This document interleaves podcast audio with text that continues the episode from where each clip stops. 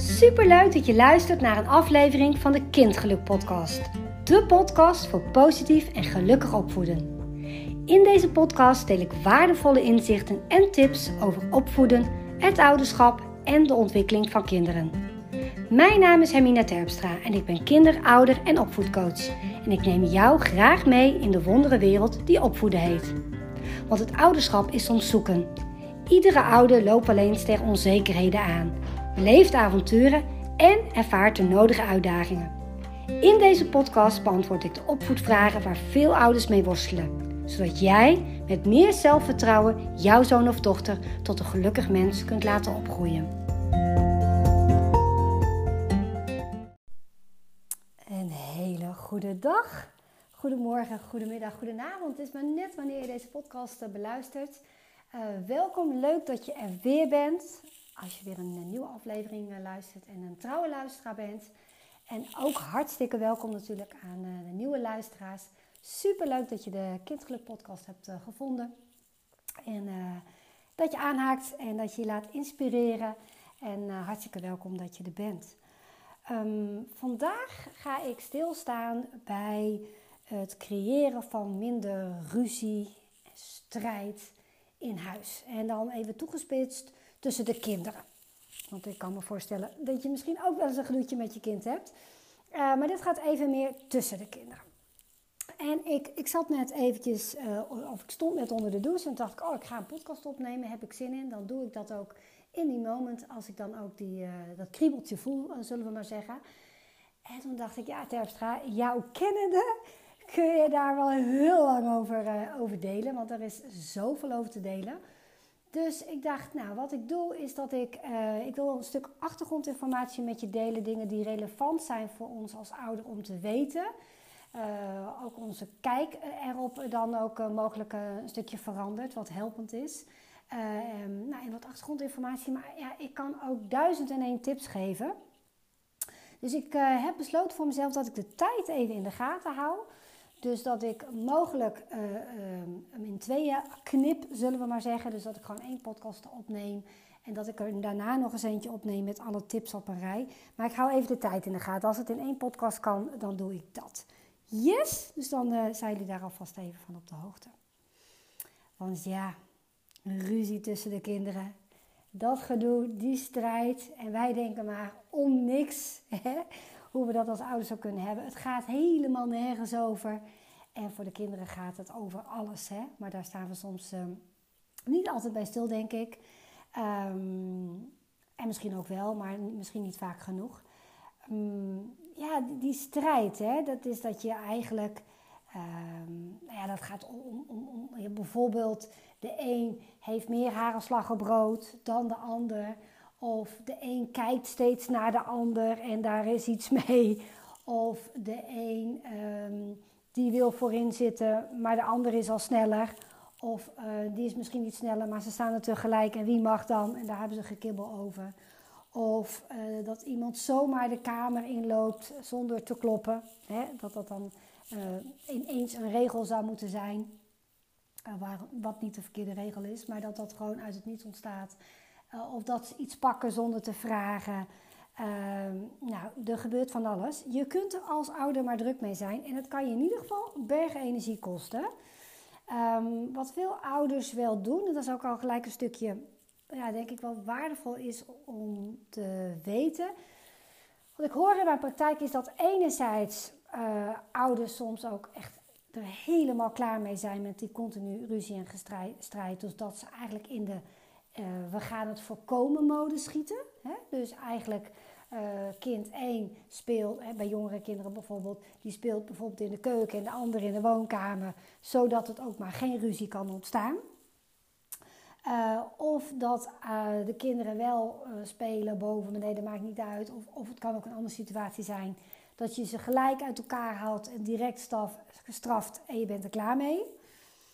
Of, uh, nou ja, je bent er klaar mee dat ze dat ook letterlijk roepen. Hè? Dat, je, dat je als ouder uh, zo die frustratie en die boosheid voelt. En dat je echt gaat roepen, en nou ben ik er klaar mee. Of ik ben helemaal klaar met jullie. Houd het nou eens nooit op. En uh, stop daar nou eens mee. En, nou ja, en, en ik kan nog wel even zo doorgaan. Ehm, of ehm, nou ja, dat je jezelf eigenlijk ook steeds hoort. Hè? Van, van uh, je mag niet op de bank springen, je mag niet slaan, je mag niet schreeuwen, uh, je mag niet schoppen. Ehm, nou ja, allemaal, wat vooral allemaal niet mag. Dus je voelt je net zo'n soort papegaai omdat je maar in de herhaling blijft en er lijkt helemaal niks te veranderen. En dat is misschien ook wel zo. Dus ja, um, als je in de herhaling schiet, en of dat nou gaat op dit thema of op andere thema, maar het verandert misschien, of het verandert niet, dan kun je natuurlijk ook afvragen: hey, datgene wat ik doe, is dat nog wel zo helpend? En mag ik het misschien op een andere manier aan gaan pakken, die constructiever is, die helpender is? Uh, want als je blijft doen wat je deed, zul je ook krijgen wat je kreeg. Nou, welke ouders ook wel heel erg herkennen, en dat is nou de scheidsrechter. Hè? Je, je, wil eigenlijk, je wil niet de scheidsrechter zijn, maar zo voelt het. En je, je ziet jezelf het doen. Je gaat er soms misschien letterlijk tussen staan. En, en je gaat je er eigenlijk helemaal in mengen. En nou ja, het wordt eigenlijk, je verzandt in iets waar je, waar je eigenlijk helemaal niet weet hoe en wat. Want je bent er misschien helemaal niet bij geweest. En nou ja, chaos, dat is wat er ontstaat. Dat is natuurlijk heel vervelend, laten we dat uh, uh, zeggen. Um, en misschien heb je ook wel zoiets van, uh, ik ben er wel klaar mee. Dat ik mezelf steeds hoor van stop daar nou eens mee of kan het nou nooit eens normaal. Nou, wat ik zie is dat, even gericht op jou als vader of moeder, is dat wat we willen, is dat we willen dat we het gezellig hebben in huis. En dat het gezellig is in huis. En dat snap ik helemaal.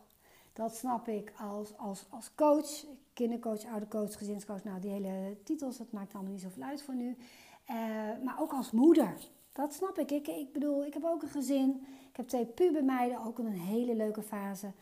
Echt geweldig, de humor. En er zijn allemaal leuke positieve dingen daaraan te, uh, over te vertellen.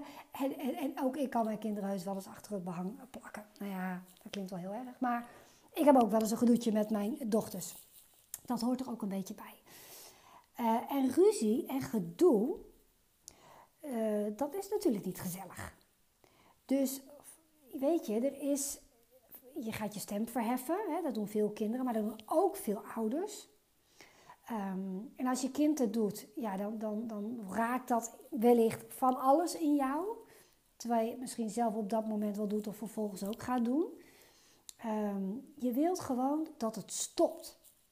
Je wilt gewoon dat er rust is. Dat het gezellig is.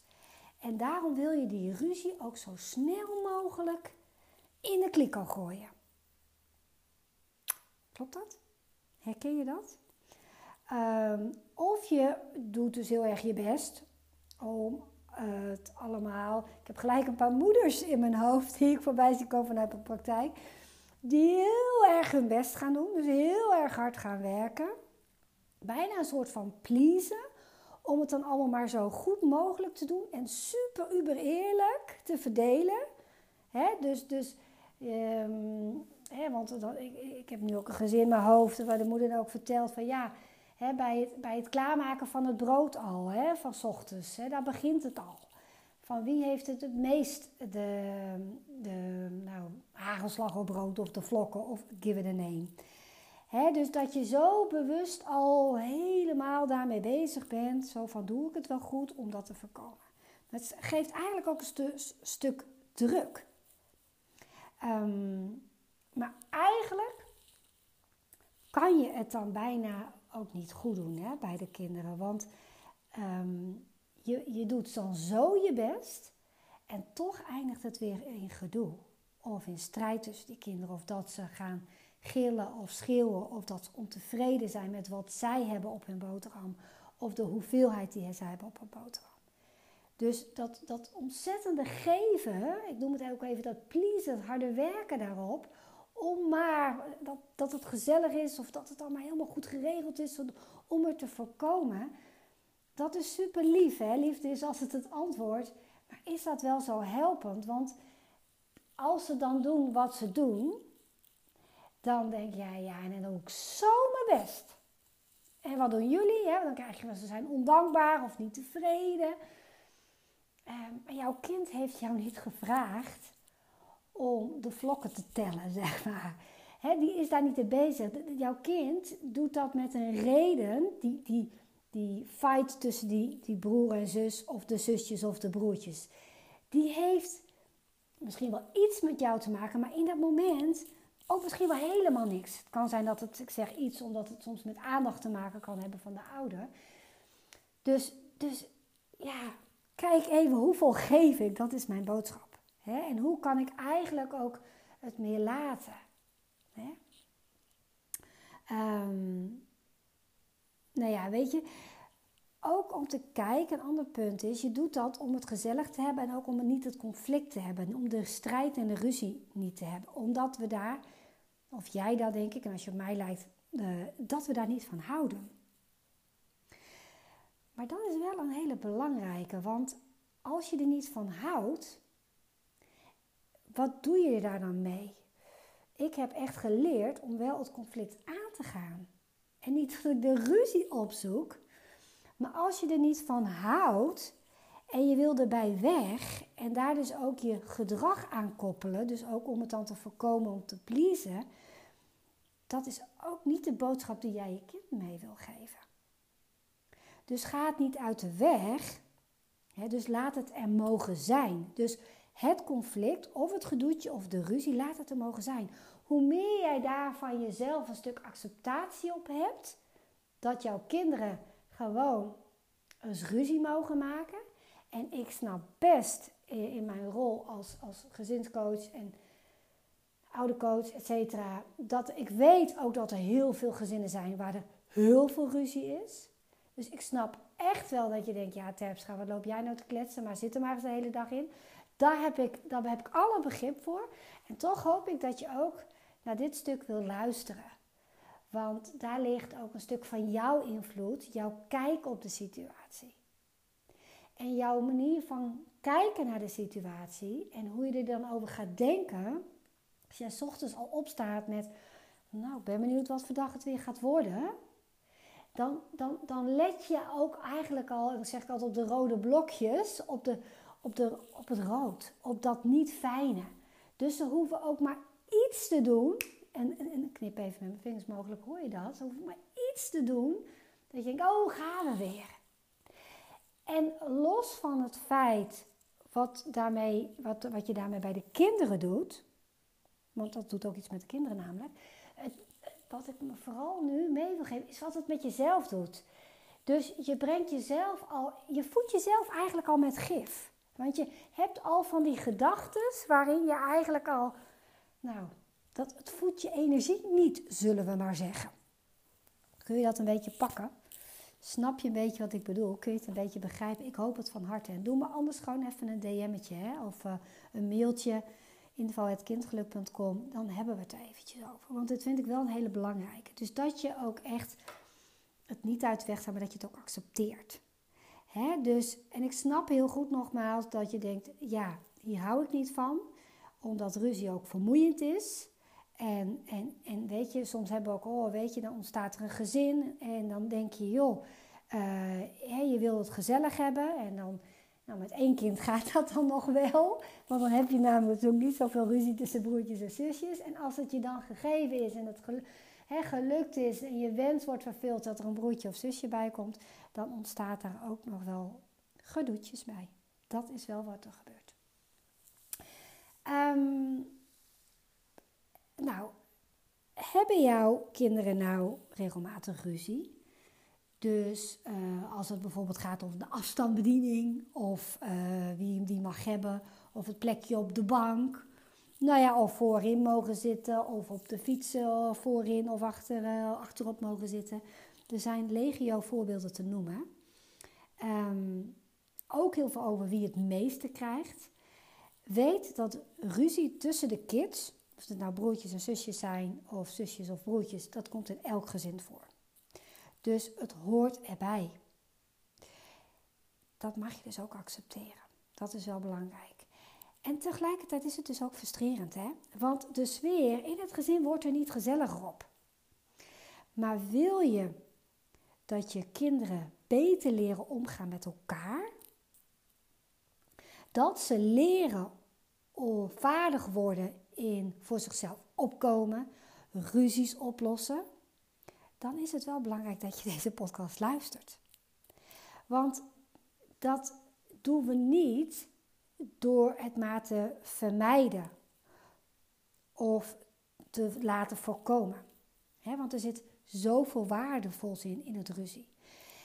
Een stukje achtergrondinformatie, want de band, dat is wel goed om ook even te benoemen, tussen broers en zussen of zussen of broertjes, wat ik net zei. Ik houd even op broertjes en zussen vanaf nu, dat is misschien handig. Nou ja, ik zie wel wat ik klets. Broertjes en zussen, die, die band is heel bijzonder. Hè? Ouders zeggen ook wel eens van ja, uh, haatliefde, ze kunnen niet met en ze kunnen niet zonder elkaar. Ze kunnen zo leuk spelen dat je denkt, s ochtends wat zijn ze lekker bezig en s middags, weet je, dan, nou ja, dan uh, gaat het totaal de andere kant op. Uh, maar die band is bijzonder, want weet je, ze hebben natuurlijk die, diezelfde biologische ouders. En over het algemeen groei je dan ook op in hetzelfde gezin. Maar het is wel een gegeven dat je broertjes en zusjes elkaar niet uitkiezen. Hè? Want je vriendjes en vriendinnetjes die kiezen ze uit, maar je broertje of zusje niet. Dat is zo ontstaan. En je hebt wel veel tijd met elkaar door te brengen. Hè? Je brengt veel tijd met elkaar door. Nou, uh, een bijzondere band, dus dat is eigenlijk een beetje de strekking.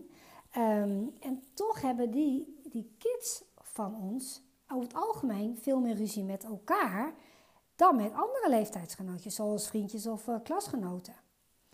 Dus, en het is zo mooi dat ondanks dat ze meer ruzie hebben met elkaar dan met vriendjes, de band die is juist weer heel warm en hecht over het algemeen. want soms is het er ook gewoon wel echt heel erg. En soms is het er ook wel dat ouders zeggen, ik ook wel als een gezin zeggen, ja nee, ze kunnen echt niet met elkaar.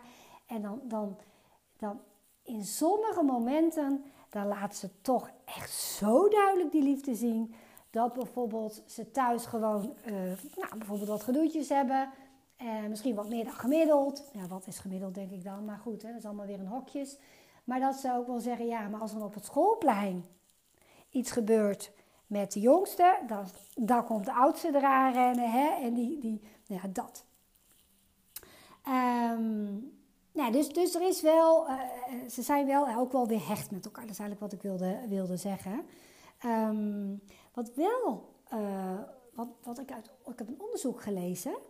En vond ik wel, nou ja, wel, wel een hoog percentage. Bijna 90% van de kinderen laat meer negatief gedrag zien. Hè? Dus, dus uh, niet luisteren um, of, of uh, nou ja, drammen, hè? dat soort gedrag naar jou. Maar ook naar eventueel broertjes en zusjes. Na de geboorte van een jonge broertje of zusje. En dat is omdat ze zich zorgen maken of hun papa en mama nog wel genoeg van ze houdt. Uh, want waarom willen ze anders nog een broertje of zusje erbij? En dat, dat gedrag is wel vaak tijdelijk, gelukkig maar. Um, maar die strijd die ze hebben over het delen van de ouders, die kan wel meer blijven bestaan. Of langer blijven bestaan. En misschien ook wel, heel veel langer blijven bestaan. Ik vond dat wel uh, ja, een heel hoog percentage. Ik was, me daar, ik was me wel van bewust uiteraard, want dat zie ik in mijn werk ook hier in mijn praktijk.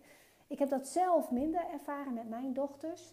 Um, maar goed, dat is natuurlijk niet dat dat, dat bij mij is in het gezin, dat dat representatief is voor, voor de hele wereld. Um, maar dit onderzoek, dat um, uh, vond ik dus wel uh, waardevol om even te delen, dat percentage met je. Dus door die strijd die ze dus hebben om de ouders, kan dus die rivaliteit tussen de broertjes en zusjes ontstaan.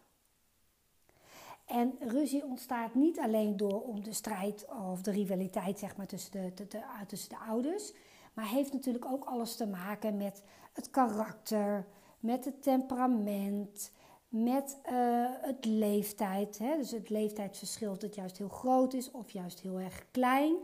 Maar het kan ook zijn dat het leeftijdsverschil uh, dat bijvoorbeeld uh, ene kind nog heel jong is en bepaalde vaardigheden nog niet ontwikkeld heeft. Bijvoorbeeld communicatieve vaardigheden, om dingen woorden te geven. Dus heel erg gefrustreerd raakt en dat met negatief gedrag uit, waardoor er weer een actiereactie ontstaat.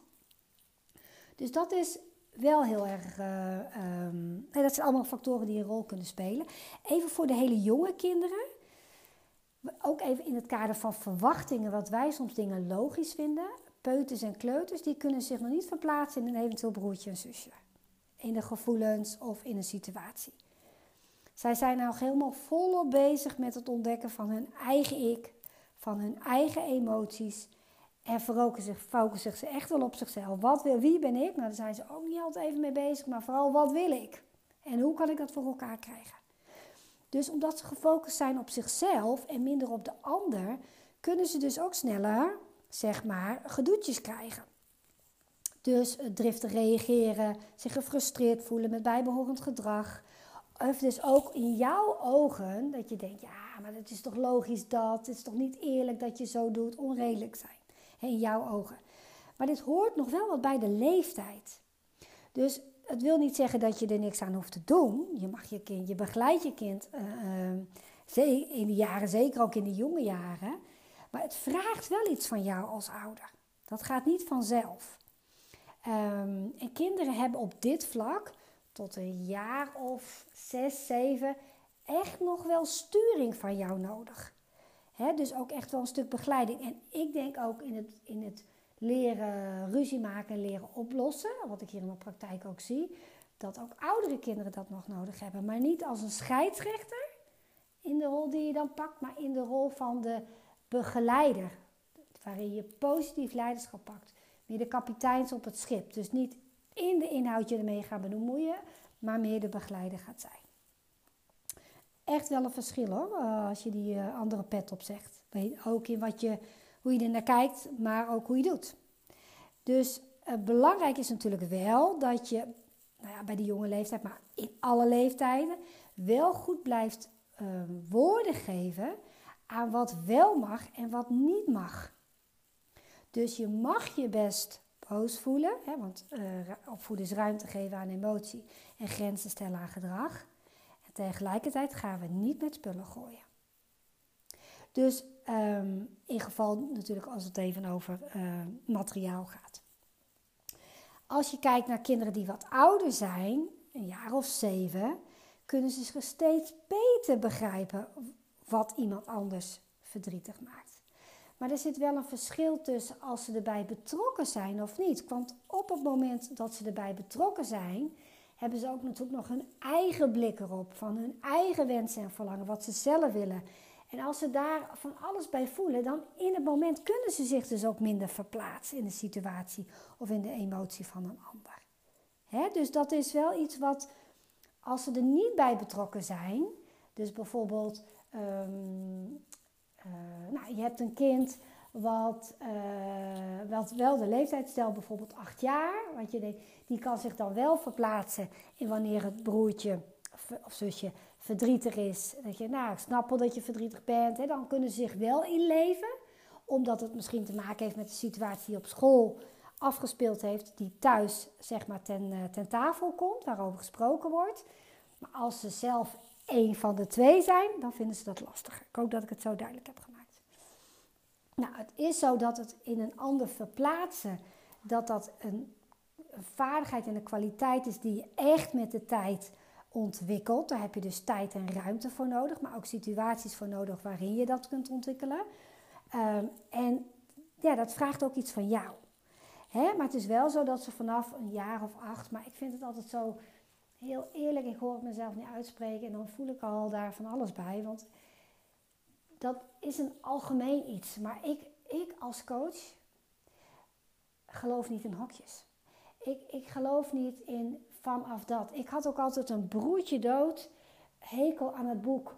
Ja, even iets heel persoonlijks. Hè? Ik wil de schrijven niet, uh, uh, uh, niet afbranden. Maar aan, aan, aan zo'n boek als Oei ik groei, vroeger heette dat volgens mij. Dat, dat je wist van nou, als, je, als het kind zoveel maanden is, dan kan hij dit. En bij zoveel maanden kan hij dat. Ja, het is een richting, lieve mensen. En het, ik kijk echt naar het kind wat ik tegenover me heb. Naar de lieve ouders die tegenover me zitten. Want het is zo wisselend. En het heeft met zoveel factoren te maken. Met, met, met de omgeving. Met, met hoe het leven tot dusver, dusver is geweest. Eh, wat je kan en, en, en wat, je, wat het rolmodel van de ouders daarin is geweest. Uh, hoe jij zeg maar, in de opvoeding van je kind, wat heb jij je, je kind laten zien in het goede voorbeeld. En sommige dingen heb je misschien niet helemaal handig aangepakt. Dat kan. Dat is oké. Dat kan jammer zijn, maar daar heb je ook een goede reden voor. Het oordeel eraf. Want stel dat jij dat van jouw ouders niet geleerd hebt, hoe kun je dan überhaupt je kind leren wat je zelf nog niet geleerd hebt? Hè? Dus, dus daar, dat is zo fijn dat ik daar ook ouders bij mag steunen en in begeleiden. En zonder oordeel daar stappen in mag zetten. Dus ook in het verplaatsen van een kind hè, is dat het ene kind dat al veel jonger misschien kan dan gemiddeld. En een oude kind, ja, die, die is dat nog aan het leren. Nou, dat is wat het dan is. Het is goed dat je er bewust van bent, dat we daar het inzicht op hebben. En dan kun je als ouder je daar wel, zeg maar, je kind bij helpen en begeleiden maken. En in begeleiden vooral. Dus, maar over het algemeen, dus van een jaar of acht, negen, kunnen ze dat dus wel iets beter. Ehm, en ook omdat ze natuurlijk meer meters hebben gemaakt in, in ruzie maken en ruzie oplossen, dat is ook een vaardigheid. Want weet je, in het ontwikkelen van vaardigheden die bij ruzie die relevant zijn voor, voor ruzies. Je hebt het over delen, je hebt het over luisteren, je hebt het over rekening houden met een ander, een ander uit laten praten. Dat heeft natuurlijk ook met luisteren te maken. Weet je, zo overleggen. Er komen zoveel vaardigheden samen in het samenspelen, daar waar ruzie over het algemeen ontstaat. Dat vraagt nog wel wat van je kind. Hè? Dus het is ook best wel eens goed als het in, om eens even in te zoomen voor jou als ouder van hé, hey, als mijn kinderen ruzie hebben, hey, wat zie ik dan? Hè? Welke vaardigheden lukken al wel? Maar waar gaat het eigenlijk even, uh, nou ja, waardoor lukt het bij dat ene kind in deze situatie wat vaker nog niet? Welke vaardigheden, en dan zoom je daarop in, maar dan begeleid je kind ook in het ontwikkelen van die vaardigheden. Dat is helpend. Dan kan hij daar stappen in maken. Want het is nu eigenlijk een soort cocktail waar heel veel vaardigheden samenkomen. En dat is best wel ingewikkeld voor kinderen. Wel te leren, zeker. Uh, ruzies oplossen gaat natuurlijk niet vanzelf. Uh, daar hoort soms ook gewoon, of daar hoort niet soms, maar daar kan soms wel een ruzie aan vooraf gaan. Uh, dat is pittig. Dat is niet alleen pittig voor jou als moeder of vader. Lieve vaders, welkom bij deze podcast ook voor jouw kinderen. Want er is geen kind die wakker wordt die denkt, nou, vandaag ga ik even lekker mijn broertje of zusje te gazen nemen. En even lekker er tegenin, weet je. Een kind wil dit ook niet. Daar heeft hij ook een goede reden voor. Dus wat is de reden van jouw kind voor deze ruzie? dus veroordeel het gedrag van je kind niet zonder de reden te weten. Punt. Dat is een belangrijke.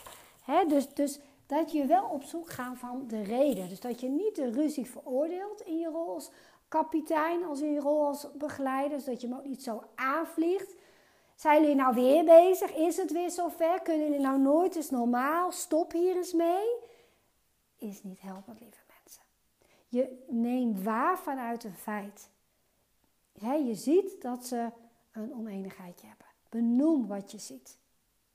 Maar ga geen partij trekken. Oh, is het weer zover? Kon je weer eens niet op je beurt wachten? Vond je het weer zo lastig om te verliezen? Nou, kun je niet eens rekening houden met je jongere broertje of zusje? weet je, jij bent de oudste. dus, dus het is allemaal, daar, daar help je je kind niet mee. Daar help je de situatie niet mee, help je jezelf niet mee, de sfeer niet mee. hey, en dat wilde je zo graag, gezellige sfeer. Dus wat vraagt dat van jou als vader of moeder? hey, jongens, of, hoe ze dan, of jongens, meisjes, ik zie dat jullie oneenigheid hebben. Wat is er aan de hand? Wat gebeurt hier wat jullie niet fijn vonden? En dan laat je de ene eens uitpraten. En dan laat je de andere eens uitpraten. En dan geef je erkenning. En dan onderzoek je dat met elkaar. Maar trek geen partij. Want gedrag dat een kind laat zien, dus het schreeuwen, het slaan, het schoppen, etc., is altijd een reactie op hoe hij zich voelt. En als jij het gedrag gaat veroordelen, dan gaan de luikjes dicht. Want een kind wil zich begrepen voelen. Die wil zich gehoord en gezien voelen. Dus belangrijk is dat, dat je het op een uh, begeleidende manier aanvliegt zonder oordeel. Dat je waarneemt, dat je onderzoekt. Um, en dat je dus ook ruimte laat zijn voor het gevoel. En dat je je kind daarin erkent. Want het is ook niet leuk als je broertje jouw autootje afpakt. Dat, dat snap ik. Dat zou ik vroeger ook niet leuk gevonden hebben, toch? En dat is, ja, wij denken, joh, who cares? Het is maar een autootje, er liggen nog honderd. Waar maak je je druk om? Maar voor jouw kind is het dat wel.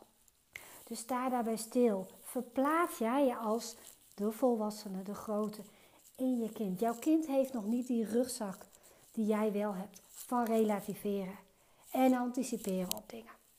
Die is ook nog lerende. Yes.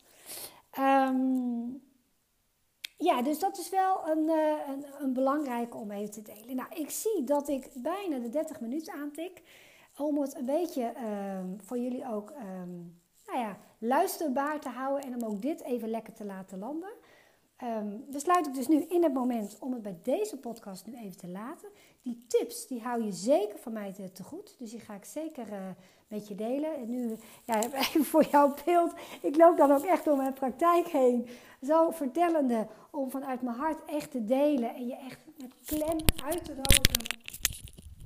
Er viel even een oortje uit. Met klem uit te nodigen om echt... Je hoeft niet een roze bril op te zetten, maar wel een positieve bril. Een, een, een bril die op zoek is, die nieuwsgierig is. Wees als ouder nieuwsgierig. Wat maakt dat dit gebeurt? Wat is er aan de hand? En als het je triggert, want dat is vaak wel wat er gebeurt. Dus als er. Um, want het vraagt eigenlijk dus van jou ook dat je neutraal kan reageren. Dus um, nou, als je me een beetje kent, dan weet je dat ik natuurlijk altijd ga voor die waardevolle podcast. En ik hoop dat ik dat nu al uh, ge, gecreëerd heb voor je. Maar het is wel waardevol om, dan geef ik je die nog even mee, om te kijken um, wat triggert mij in de ruzie die mijn kinderen hebben. Dus um, ik, ik heb al van die reflectievragen die ik altijd zo waardevol vind. Wat wil mijn kind mij vertellen met het gedrag wat hij laat zien? Wat wil mijn kind mij vertellen? Want die heeft daar namelijk een goede reden voor. Welke behoefte is er niet vervuld? Hoe voelt hij zich? Want dan kun je namelijk ook erkenning geven op de emotie en op de behoeftes. En wat heeft mijn kind te leren? En wat ik er altijd aan toevoeg, nou, als, het nou, als ik nou zo'n gedoetje met mijn puber heb, of uh, met welke relatie dan ook, dan stel ik mezelf ook altijd twee vragen. Van wat zegt deze situatie over mij? En wat heb ik eigenlijk te leren?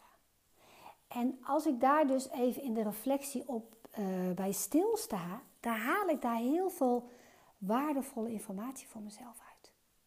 Want mocht je nou denken, met al die diploma's die hier bij mij aan de muur hangen, dat ik Miss Perfect ben als moeder, no way José. Ik voel me echt rijk met alle tools die ik heb, de vaardigheden die ik mijn eigen heb gemaakt, de mindset die ik heb mogen ontwikkelen, ja. En tegelijkertijd, ik voel me ook wel eens niet lekker. Ik ben ook wel eens moe. Mijn lontje kan ook wel eens kort zijn. Dus we zijn allemaal mens. Dus laten we elkaar ook alsjeblieft heel houden. Als je een keer iets ziet in de supermarkt gebeuren, of op het voetbalveld bij je kind, dat je gedrag bij een kind ziet of een ouder op een bepaalde manier. Laten we alsjeblieft elkaar heel houden. Hou jezelf heel, hou de andere ouders en de andere kinderen heel en, en je eigen kind ook. Want ik zeg altijd, liefde is altijd het antwoord en daar zit dat begrip ook in. Niemand doet iets zonder reden. Daar hebben we een reden voor. Als ik fel reageer op mijn kind, en lieve mensen, dat kan ik ook, dan heb ik daar ook een reden voor. En dan heb ik daar ook een aandeel in. En mijn kind ook. Maar het is zo waardevol als je van begrip naar begrip, dan komen de oplossingen. Dus als ik erken naar mezelf wat mijn eigen aandeel is, dat ik dat ook durf toe te geven, dat ik dat ook woorden geef aan mijn kind. En het ook kan hebben over de behoeftes die niet vervuld zijn, die voor mij wel helpend waren. Dan kunnen we daar het gesprek over voeren. En dat is wat we mogen doen: het gesprek voeren zonder oordeel. En dat je dus, als je ruzie hebt met je kind of de kinderen onderling, dat het er mag zijn, dat, het, dat de acceptatie erop is dat we ervan mogen leren. En dan stapjes zetten met elkaar. Dat die veiligheid er is, dat die bedding er is, dat die energie er ook hangt. En die triggers waar ik het net over had, um, anderen trigger je wel eens. En het is heel gemakkelijk om dan naar een ander te wijzen. Van nou, die doet toch altijd zo. Maar het triggert, het, het triggert ook iets in jou. En als jij je gefrustreerd voelt, met alle respect, dat gevoel is heel vervelend, dat begrijp ik, maar daar is jouw kind niet verantwoordelijk voor.